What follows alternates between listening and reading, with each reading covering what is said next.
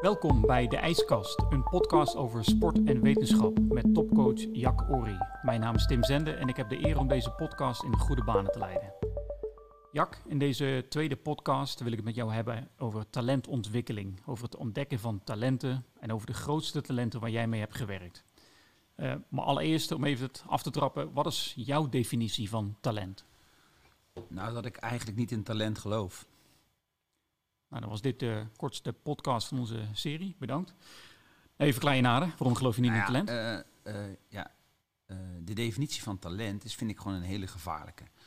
Ehm, eh, talent zit vaak een, een tijdseenheid in. Als je bijvoorbeeld naar twee jongetjes kijkt of twee meisjes kijkt, het maakt natuurlijk niet uit. Maar je geeft, eh, als ik jou, wij zijn allebei tien jaar oud en ik geef jou een bal en mijn bal. En we, gaan, en we zeggen tegen zo'n persoon, oké, over twee weken kom ik terug en dan gaan we kijken wie het vaakst een bal hoog kan houden.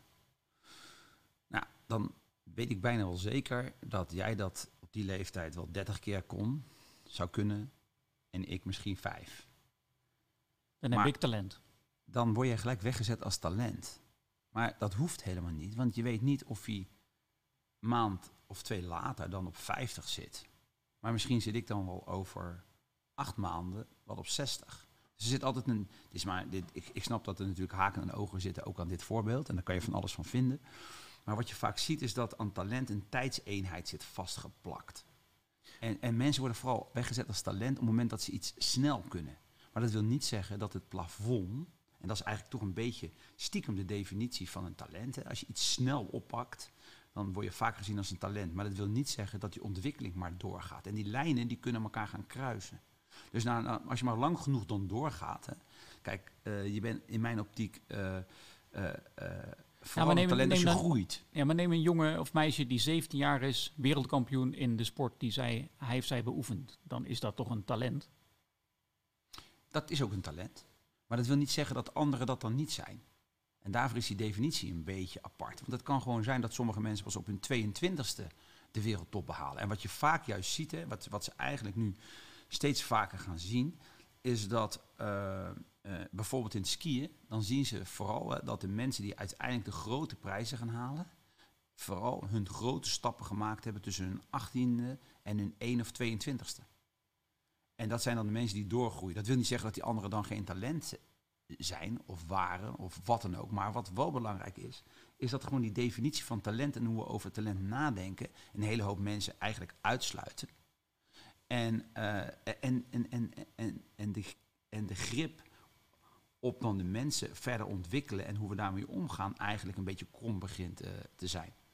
Maar jij kijkt dan eh, liever niet naar prestatieniveau op een bepaald moment, maar meer naar, de groe- naar die groeicurve of Ja. de potentie. ja, de potentie van groei en hoe lang die groei doorgaat. En vooral hoe mensen met hun sport omgaan. Kijk, eh, ik, ik, ik vind ehm, het is heel gemakkelijk om mensen zeg maar, weg te zetten als talent op basis van iets wat ze heel snel leren. Maar dat wil helemaal niet zeggen dat dat doorgroeit.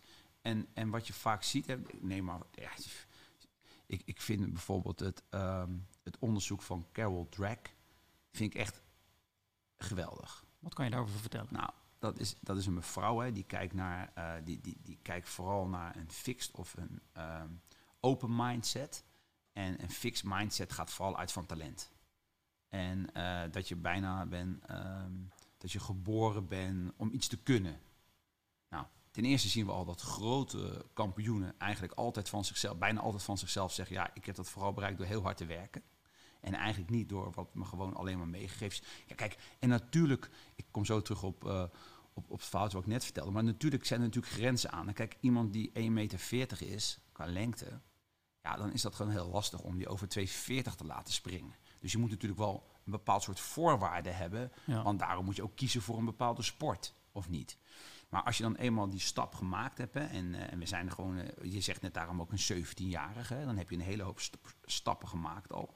En dan heb je eigenlijk al een beetje weggefilterd eh, dat je bijvoorbeeld misschien de lichaamsbouw wat minder voor iets zou kunnen hebben. Het kan ook zijn dat je gewoon te lang bent, hè, dat kan ook. Voor een bepaalde sport. Ehm, eh, dus daar begint het al heel vaak een beetje de, dus de schoen te wringen. Maar ehm, om maar even terug te komen op eh, Carol Drake, die laat bijvoorbeeld zien dat ehm, Uh, er zijn kinderen dan in het zuiden van Amerika. En die komen dan, dat zijn, dat zijn Mexicaanse kinderen. En uh, die komen eigenlijk een Mexicaanse achtergrond hebben die. En die zijn dan heel slecht in, hun, in, in, Amerika, in, in Engels, in, in, hun taal. En dan gaat ze naar die kinderen toe en dan, en dan, dan gaat ze met die kinderen interviews houden en zo. En dan, ja, ja wij, wij kunnen heel hard werken. En uh, ja, wij, wij hebben vooral talent om hard te werken. En uh, we zijn misschien ietsje minder slim. En dan hebben ze een onderzoek opgesteld en dan zegt, die, zegt Carol Dweck, die zegt dan nee, dat is niet waar. En die hersenen kan je ontwikkelen. En waarom zal het zo zijn? En die geeft dan die kinderen alsmaar mee dat ze uh, niet met een fix mind moeten met een fix mindset moeten zitten door te zeggen van nee, ik ben gewoon zo geboren. En, en, mijn vader en moeder hadden dat ook al niet. En die kinderen presteerden dus ook heel slecht in, in, in, in, in, hun taal. Dus ze hadden een taalachterstand met van alles en nog wat. Nou, toen ging ze daar een onderzoek mee doen en dan gaven ze die kinderen mee van nee hoor, je kan je hersenen wel gewoon ontwikkelen. En dan kregen ze ook vragen terug. Maar kan ik dan ook slimmer worden of zo? Nou, nou, zo zou je dat kunnen zien. Dat is gewoon te ontwikkelen. En dat ligt helemaal niet zo vast. En die gaf ze dan veel meer een open mindset mee. En die liet vooral zien dat je je kan verbeteren. En dat als je heel hard inzet en hard werkt, dat je jezelf gewoon kan verbeteren. En wat gebeurde nu binnen, ik dacht dat, ik moet wel een beetje oppassen, maar even uit ik heb het boek een hele tijd geleden gelezen, is dat je dan zag dat die kinderen, geloof ik in een jaar of zo, de beste van de staat waren in Nederlands. Maar ze waren allemaal geen talent. Ja, Engels. Niet Sorry, Engels. Uh, Engels. Ja. En ze waren natuurlijk allemaal geen talent. En het was allemaal lag, lag het al vast. En we willen heel graag geloven dat iets vast ligt, maar dat ligt helemaal zo vast niet.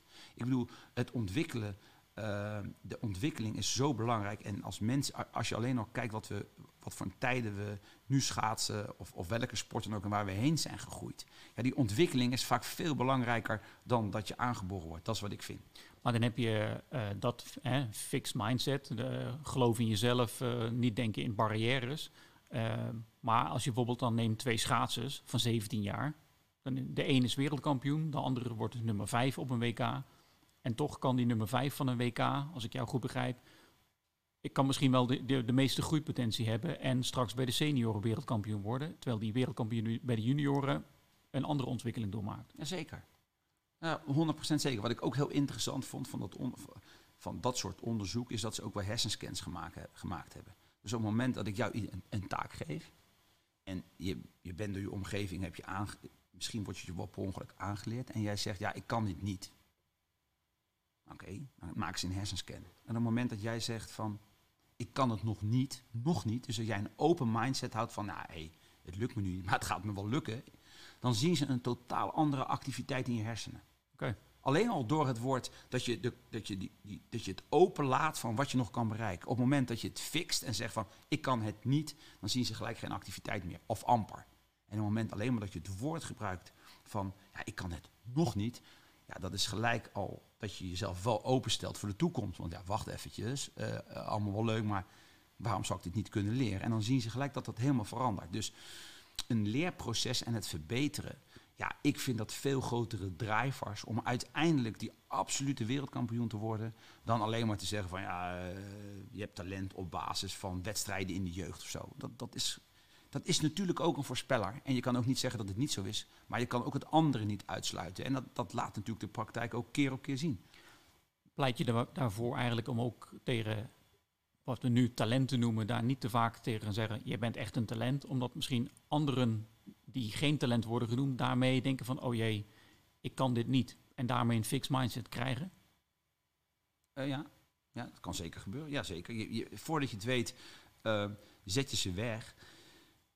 En uh, ja, daar moet je heel goed mee oppassen. Want je kan dus, je, ik denk echt dat je de mensen mee kan afbranden. Ja. Als het, even het, is ook, maar het, is ook, het is ook wel een soort gemak, hè? Want als je dan verliest, dan kan je ook gewoon zeggen... ja, maar hij heeft veel meer talent, want zijn vader en moeder waren ook goede schaatsers. Dus ja, uh, laat me winnen.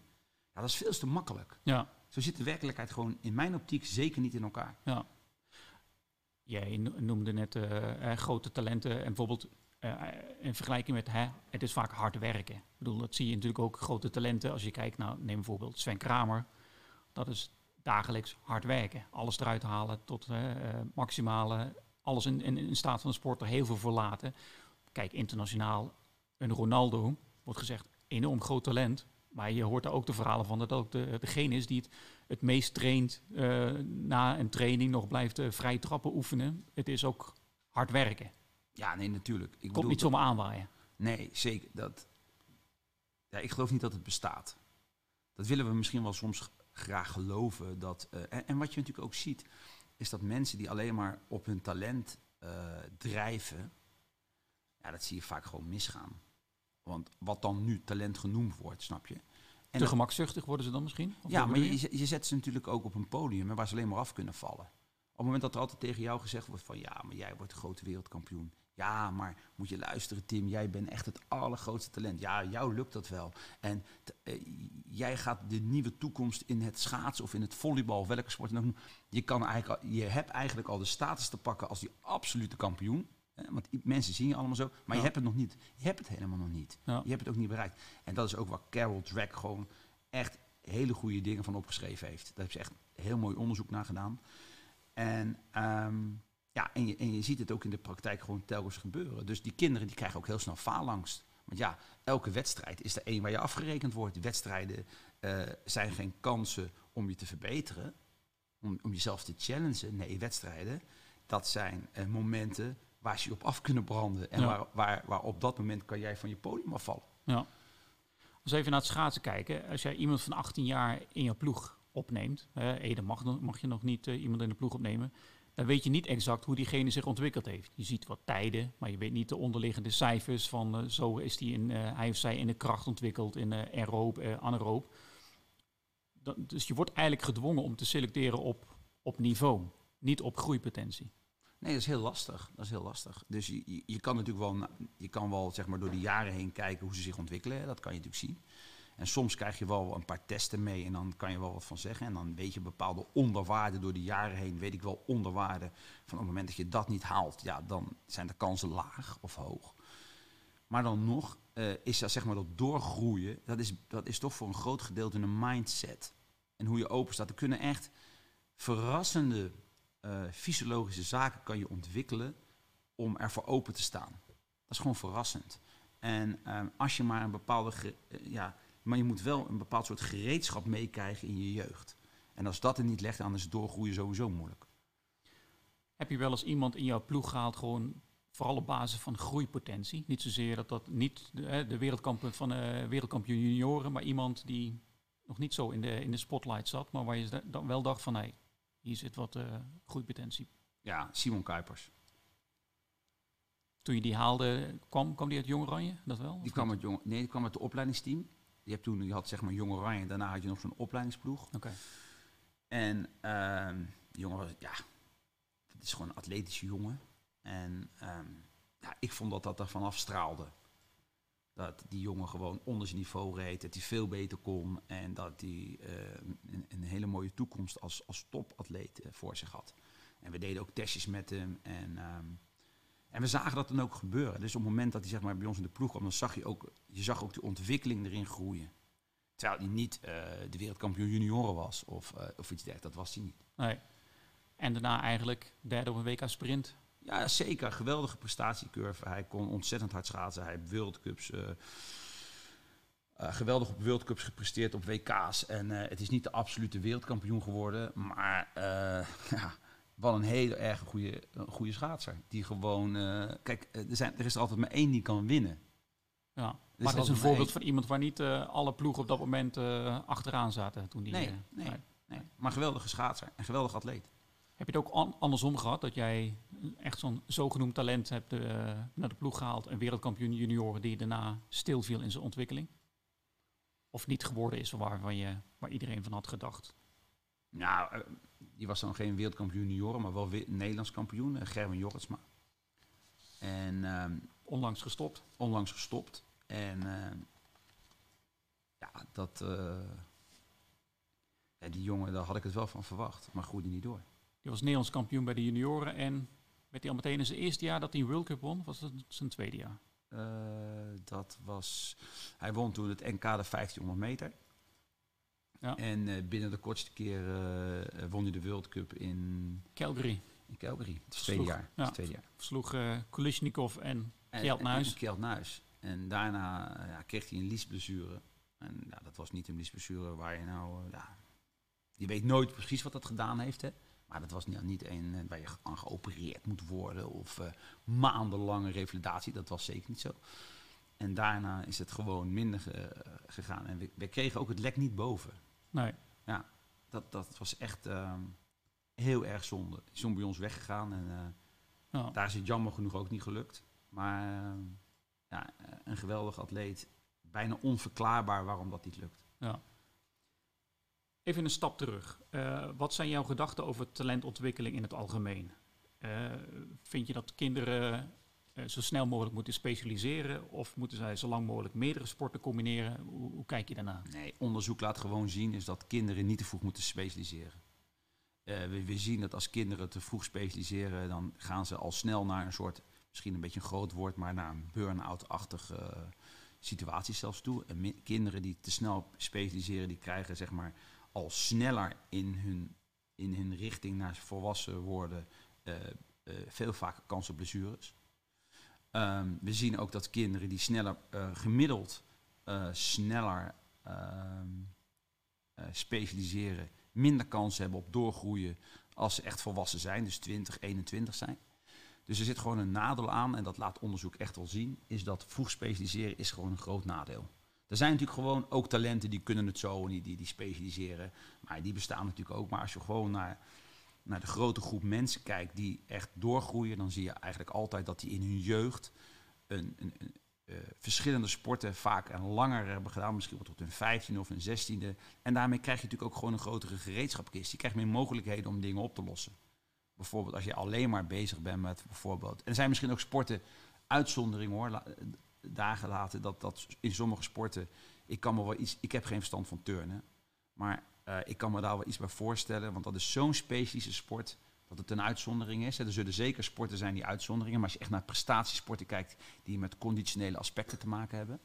ehm, eh, ja, dan zie je vaak dat vroeg specialiseren eh, mindere kansen geeft. Echt duidelijk mindere kansen. En, en wordt dit gestimuleerd in Nederland, denk je? Vind je? Nou, niet genoeg. Zeker niet genoeg. Eh, Ik, ik, ik vind sowieso dat bewegen te weinig wordt gestimuleerd in Nederland. En ik, ik gebruik ook wel eens het voorbeeld. Ik heb natuurlijk eh, ook twee, ik heb twee zoons en die hebben allemaal de lagere... De een zit nog op de lagere school en de andere die zit nou op de middelbare school. Maar wat me altijd opvalt op lagere scholen, dat vind ik heel bijzonder. Dus ehm, als, als, als, als een jongetje of een meisje eh, goed kan leren, zoals wij dat vroeger noemden, dan wordt er al heel snel een, een label aangeplakt van begaafdheid. En dat mag de hele klas weten. Ja. En dat, gaat, dat komt in een klimopklas, speciale programma's. Er, is, er wordt alleen maar over gesproken van. En, en, en dan mag ook, dat mag ook in de klas benoemd worden van. Ja, dat het als een soort voorbeeld gezien wordt. En, eh, ja, maar als een kind heel goed kan bewegen. Ja, daar wordt niet zo over gesproken. Dat is wel wat minder belangrijk. En, eh, en, en, en, en, en, en dat wordt ook eigenlijk, ja, nee, eigenlijk wordt er dan vooral voor gezorgd dat anderen eh, ook meer kansen moeten krijgen. En dan moet het er ook voor gezorgd worden op een lagere school. Dat, eh, ja, daar moeten we ook niet te snel prijzen aan hangen. Want als iemand ergens goed in bent, als je in, jeugdig bent, nee, nee dat, dat, dat moet dan allemaal wel een beetje gelijk worden getrokken. Maar op het moment dat je goed kan leren, dan mag dat wel. En dat vind ik gewoon eigenlijk apart. Waarom kan een kind die heel goed kan bewegen niet als voorbeeld gezien worden voor andere kinderen? Want ja, als jij ervan uitgaat dat je kan ontwikkelen en dat het niet alleen maar dat je geboren wordt als talent, maar dat je gewoon je kan ontwikkelen naar een heel hoog niveau toe. Ja, waarom kan je dan niet ook een kind wat goed kan bewegen, gewoon niet, ook niet als voorbeeld gebruiken? Bijvoorbeeld, wat eigenlijk ook wel bijzonder is, hè, ze zien ook dat eh, wiskunde hè, wordt ook vaak gezien dat je daar talent voor moet hebben, toch? Ja. En, maar er zijn er gewoon onderzoeken die laten zien van ja, maar wacht even. Dat is ook wel belangrijk natuurlijk. Maar ze zien dat eh, inzet en leerstrategie vaak belangrijkere variabelen zijn om goed in wiskunde te worden dan alleen maar toevallig het aanleg te hebben. Er wordt heel gemakkelijk maar gesproken over aanleg en talent. Terwijl het, het ontwikkelen, eh, ja, vind ik in ieder geval. En we zien steeds meer dat dat veel belangrijker wordt. Maar wat je zegt over de school, dat vind ik interessant. Want inderdaad, mensen krijgen al snel kinderen van hè, hoogbegaafd en eh, bijzonder en wordt ge- gewaardeerd. eh, als, eh. als iemand heel goed piano kan spelen of een ander instrument, dan wordt het ook gewaardeerd. Vinden ze ook bijzonder. Ik, ja, ik sluit me wel erbij aan. Bij op het moment dat iemand heel goed kan bewegen, dan wordt er niet zo gezegd van dat is heel, heel goed of heel bijzonder. Ehm, ik denk dat dat in, in Amerika bijvoorbeeld anders is. Met het hele systeem, met de college systemen. En dat je daarmee al van, hey, hier kan je later ook iets mee. Je kan er een plek op een universiteit mee verdienen. Met jouw sport. Jazeker. Ik denk dat dat echt, dat heeft een andere groeipotentie, zeg maar. Dat laat al zien dat je inderdaad, zoals je zegt, van ja, nee, je staat nu hier. Maar als jij goed in basketbal wordt of iets dergelijks, ja, dan kan je ook gewoon een, een scholarship krijgen. Of een college, wat heet dat ja. precies? Ja. ja. Nou, dat, dat, dat is gewoon een groot verschil. Is gewoon een groot verschil. En ik, vind eigenlijk, ik ben eigenlijk ook wel voorstander. En ik weet ook wel dat er hier zeg maar, in het NOC hier ook wel een paar keer over nagedacht is. Maar, maar sporters, topsporters, die jarenlang tegenslagen hebben moeten overwinnen. Die hebben zich moeten verbeteren. Van alles. Dat is ook gewoon een heel proces. Ook gewoon een hele leerschool. Om uiteindelijk uh, een wereldkampioenschap te halen. Of een Olympische Spelen. Het maakt me niet zo uit. Hè, want het zijn allemaal ja, processen waar, waar, waar een hele leerfase in zit. Maar waarom zou je niet aan topsporters gewoon ook een soort bachelor degree kunnen hangen? En dan kan toch elk bedrijf nadenken over uh, die, of ze zo'n soort type in hun, in hun bedrijf willen hebben. Daar kunnen ze toch gewoon voor, kiezen. Maar ik vind gewoon dat ze daar uh, aan een bepaald niveau gewoon een degree moeten hangen. Als jij gewoon wereldkampioen bent geworden of olympisch kampioen, misschien zelfs Europees kampioen, dat je daarmee nou, dat, dat, dat, uh, die bachelor uh, ontvangt. Ja, ja en, en, en, en, en daar kan je heel goed naar kijken natuurlijk, want daar zitten gewoon een aantal kwaliteiten aan zo'n persoon. Ja. Nou, en, en, je merkt ook wel dat sommige bedrijven uh, hebben zelfs samenwerking ook met, met bepaalde instanties voor haar topsporters worden gerecruiteerd. Gewoon dat ze weten van ja, dit zijn mensen enorm gedreven, willen altijd beter worden, uh, ja, willen zich ontwikkelen. Jazeker, maar we zien natuurlijk ook dat er een hele hoop gezondheidsaspecten aan bewegen zitten. We zijn natuurlijk gebouwd om te bewegen. Ja. En we zien dat de jeugd te weinig beweegt. En uh, ja, maar ja, dus waarom zou je dat niet in een ander licht kunnen zetten? Dus door, door te zeggen van oké, okay, nee, maar als je inderdaad, je kan er ook gewoon een diploma mee verdienen. Buiten alleen maar de prijs. Want dan is het zo van, oké, ja, zou je nou niet, als je 28 bent, hè, zou je nou niet eens aan je maatschappelijke carrière moeten gaan denken? Kan je ook sowieso ernaast doen. Hè. Het een sluit het ander niet uit. Ja. Maar waarom zou je er niet gewoon een, een ander toekomstperspectief aan kunnen hangen? Ja, interessant. Uh, zeker een goed punt. Wat, wat moeten we veranderen eigenlijk in, in, in Nederland qua talentontwikkeling? Ja, we proberen natuurlijk op allerlei manieren proberen we dat talent eruit te pikken. Er zijn allerlei onderzoeksgroepen mee bezig geweest, ook binnen het schaatsen. En we proberen elke keer maar dat we die, die, dat talent eruit kunnen pikken. Maar 9 van de 10 keer zit er gewoon een uitslag achter. Een resultaat. Een resultaat. Nou ja, en, en ik heb al in de vorige podcast uh, uh, verteld wat ik dan van een resultaat vind. Hè. Een resultaat is een, een, ja, en dat worden, voordat je het weet, worden dat echt hele harde doelstellingen. En daar zit ook geen ontwikkeling. En ik denk dat je veel meer uh, in de breedte moet. Je moet natuurlijk die wedstrijd hebben. En natuurlijk moet je dat NK junioren hebben. Helemaal mee eens. Maar we moeten ook goed gaan kijken. Wat voor faciliteiten zijn er nodig om die kinderen te ontwikkelen. En dat er echt uh, in de jeugd uh, mensen zijn die langzamer komen dan de ander.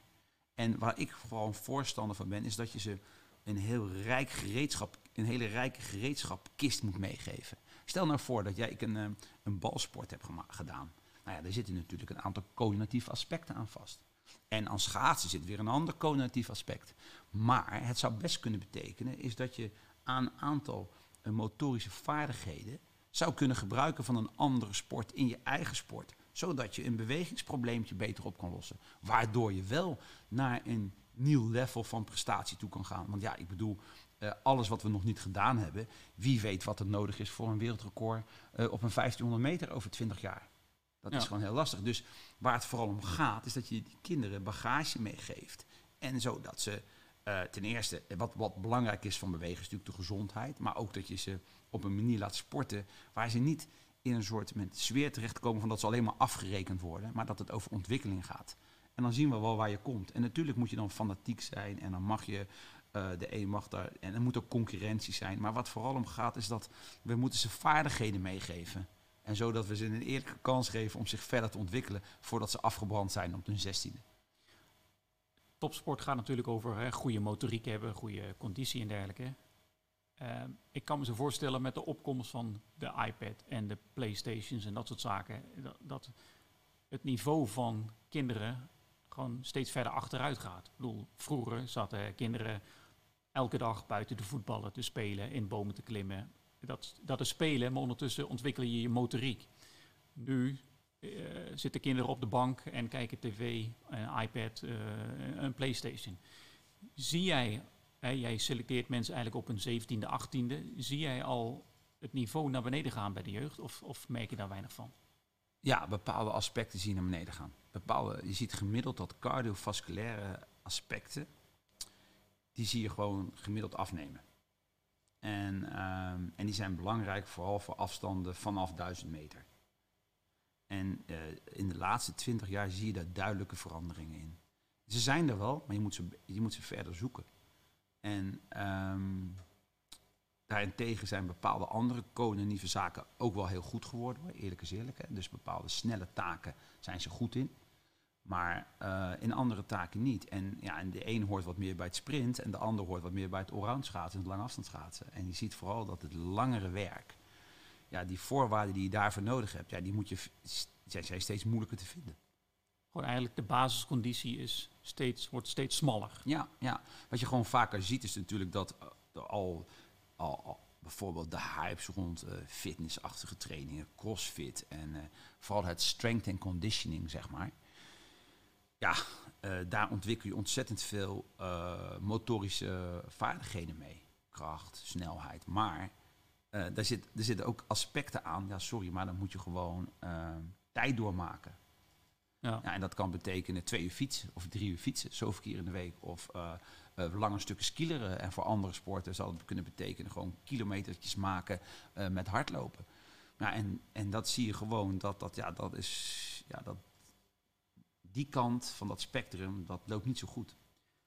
Jij benadert het vanuit het schaatsen, vanaf de duizend meter uh, heb je die, die kwaliteiten eigenlijk nodig. Maar zijn er ook echt duursporten Komen die dan nog groter in de problemen, denk je? Denk aan wielrennen, uh, marathonlopen. Ja, ja, nee, zeker. Maar we zien natuurlijk ook grote problemen. Hè? We zien natuurlijk uh, dat uh, in het wielrennen nieuwe Nederlandse talenten, ja, die liggen niet voor het opscheppen. Ze zijn er natuurlijk altijd. Hè?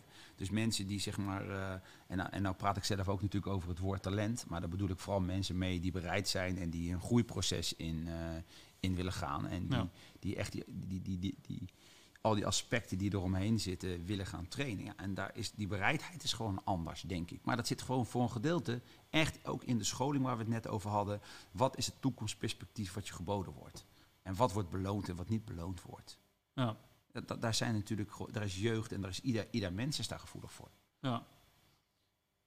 Ik heb het idee dat vroeger uh, was het ook nog wel uh, stoer onder uh, jonge jongens van uh, ik heb vandaag uh, 200 kilometer gefietst of 150 of 100 of wat dan ook.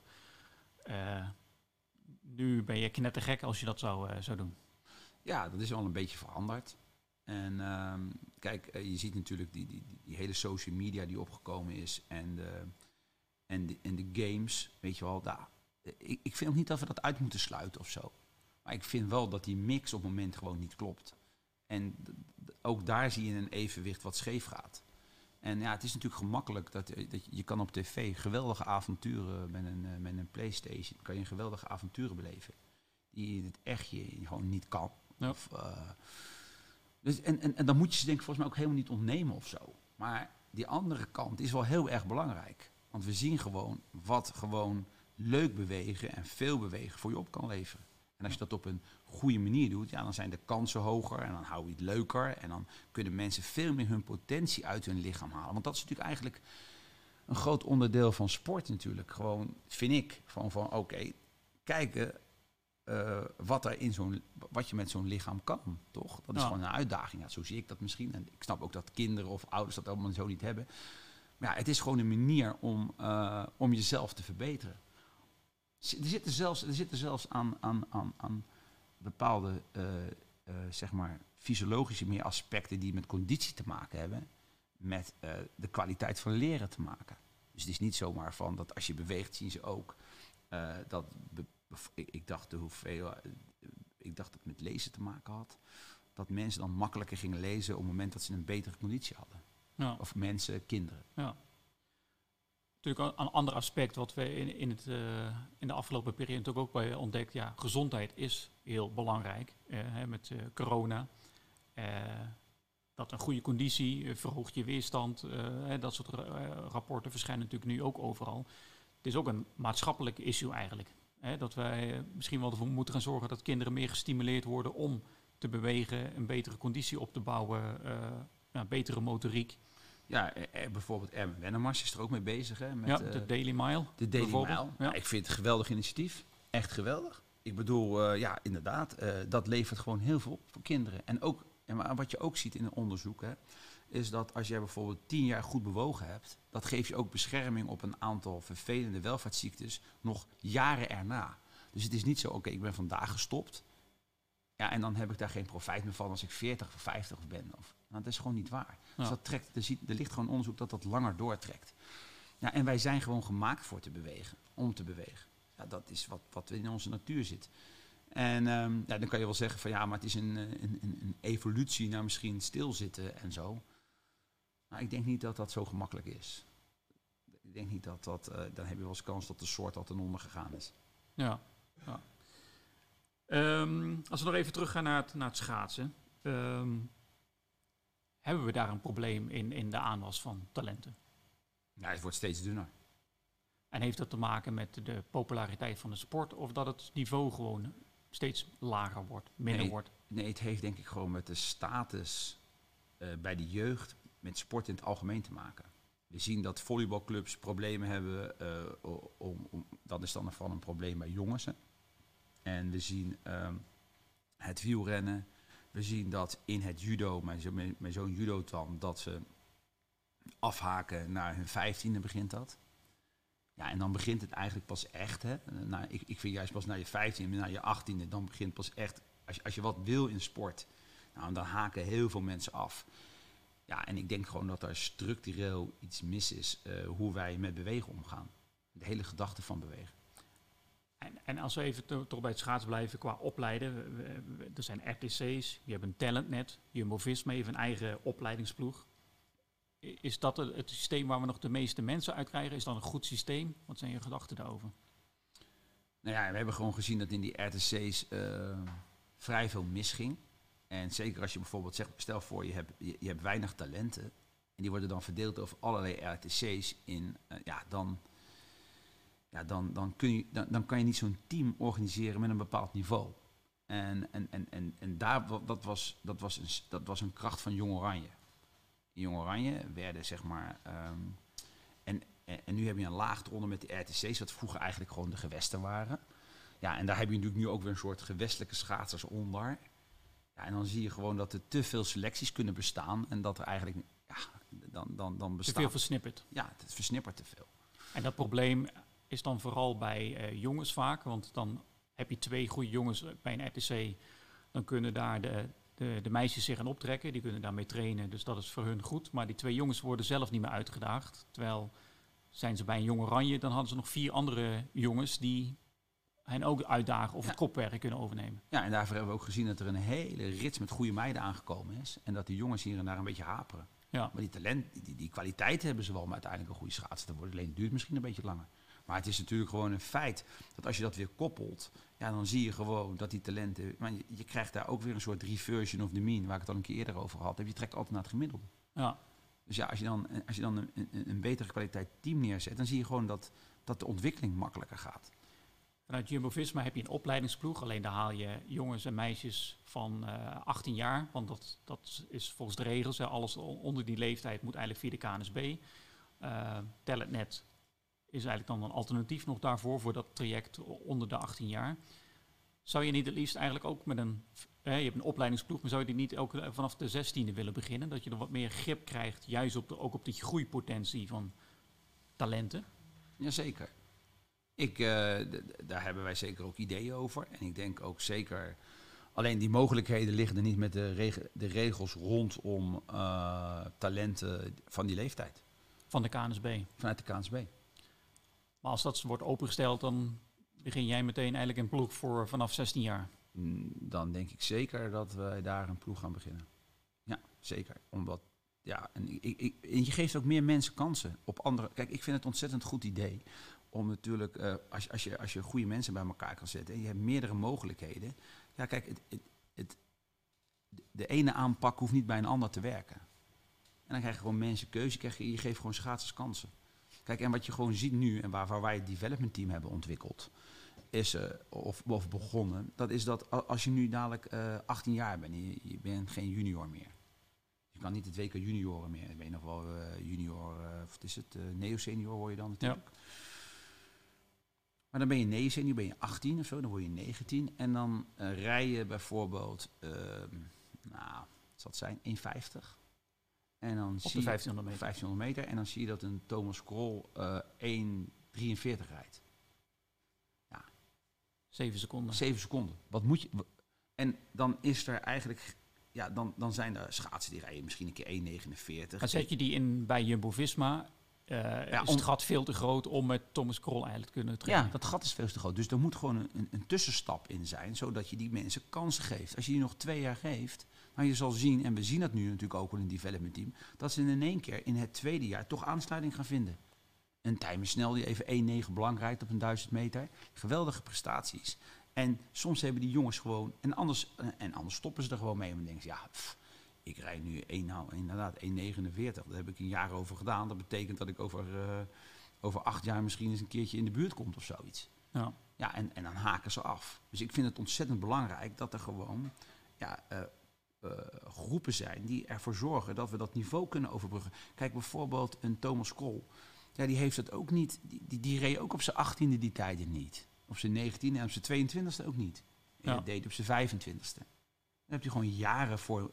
En, ja, en als je dat wil blijven vo- voeden, dat wij op dat absolute niveau, mee, op Olympische niveau mee willen blijven doen, ja, dan moet je er wel voor zorgen dat er in die, in- in die levels van niveau gewoon kansen zijn voor die mensen. Ja, dat is de reden voor het eh, development team. Maar dan liefst zou je eigenlijk nog daaronder nog een laag zestiende en met gewoon met een, een groep talenten Jazeker. werken. Ja. Jazeker.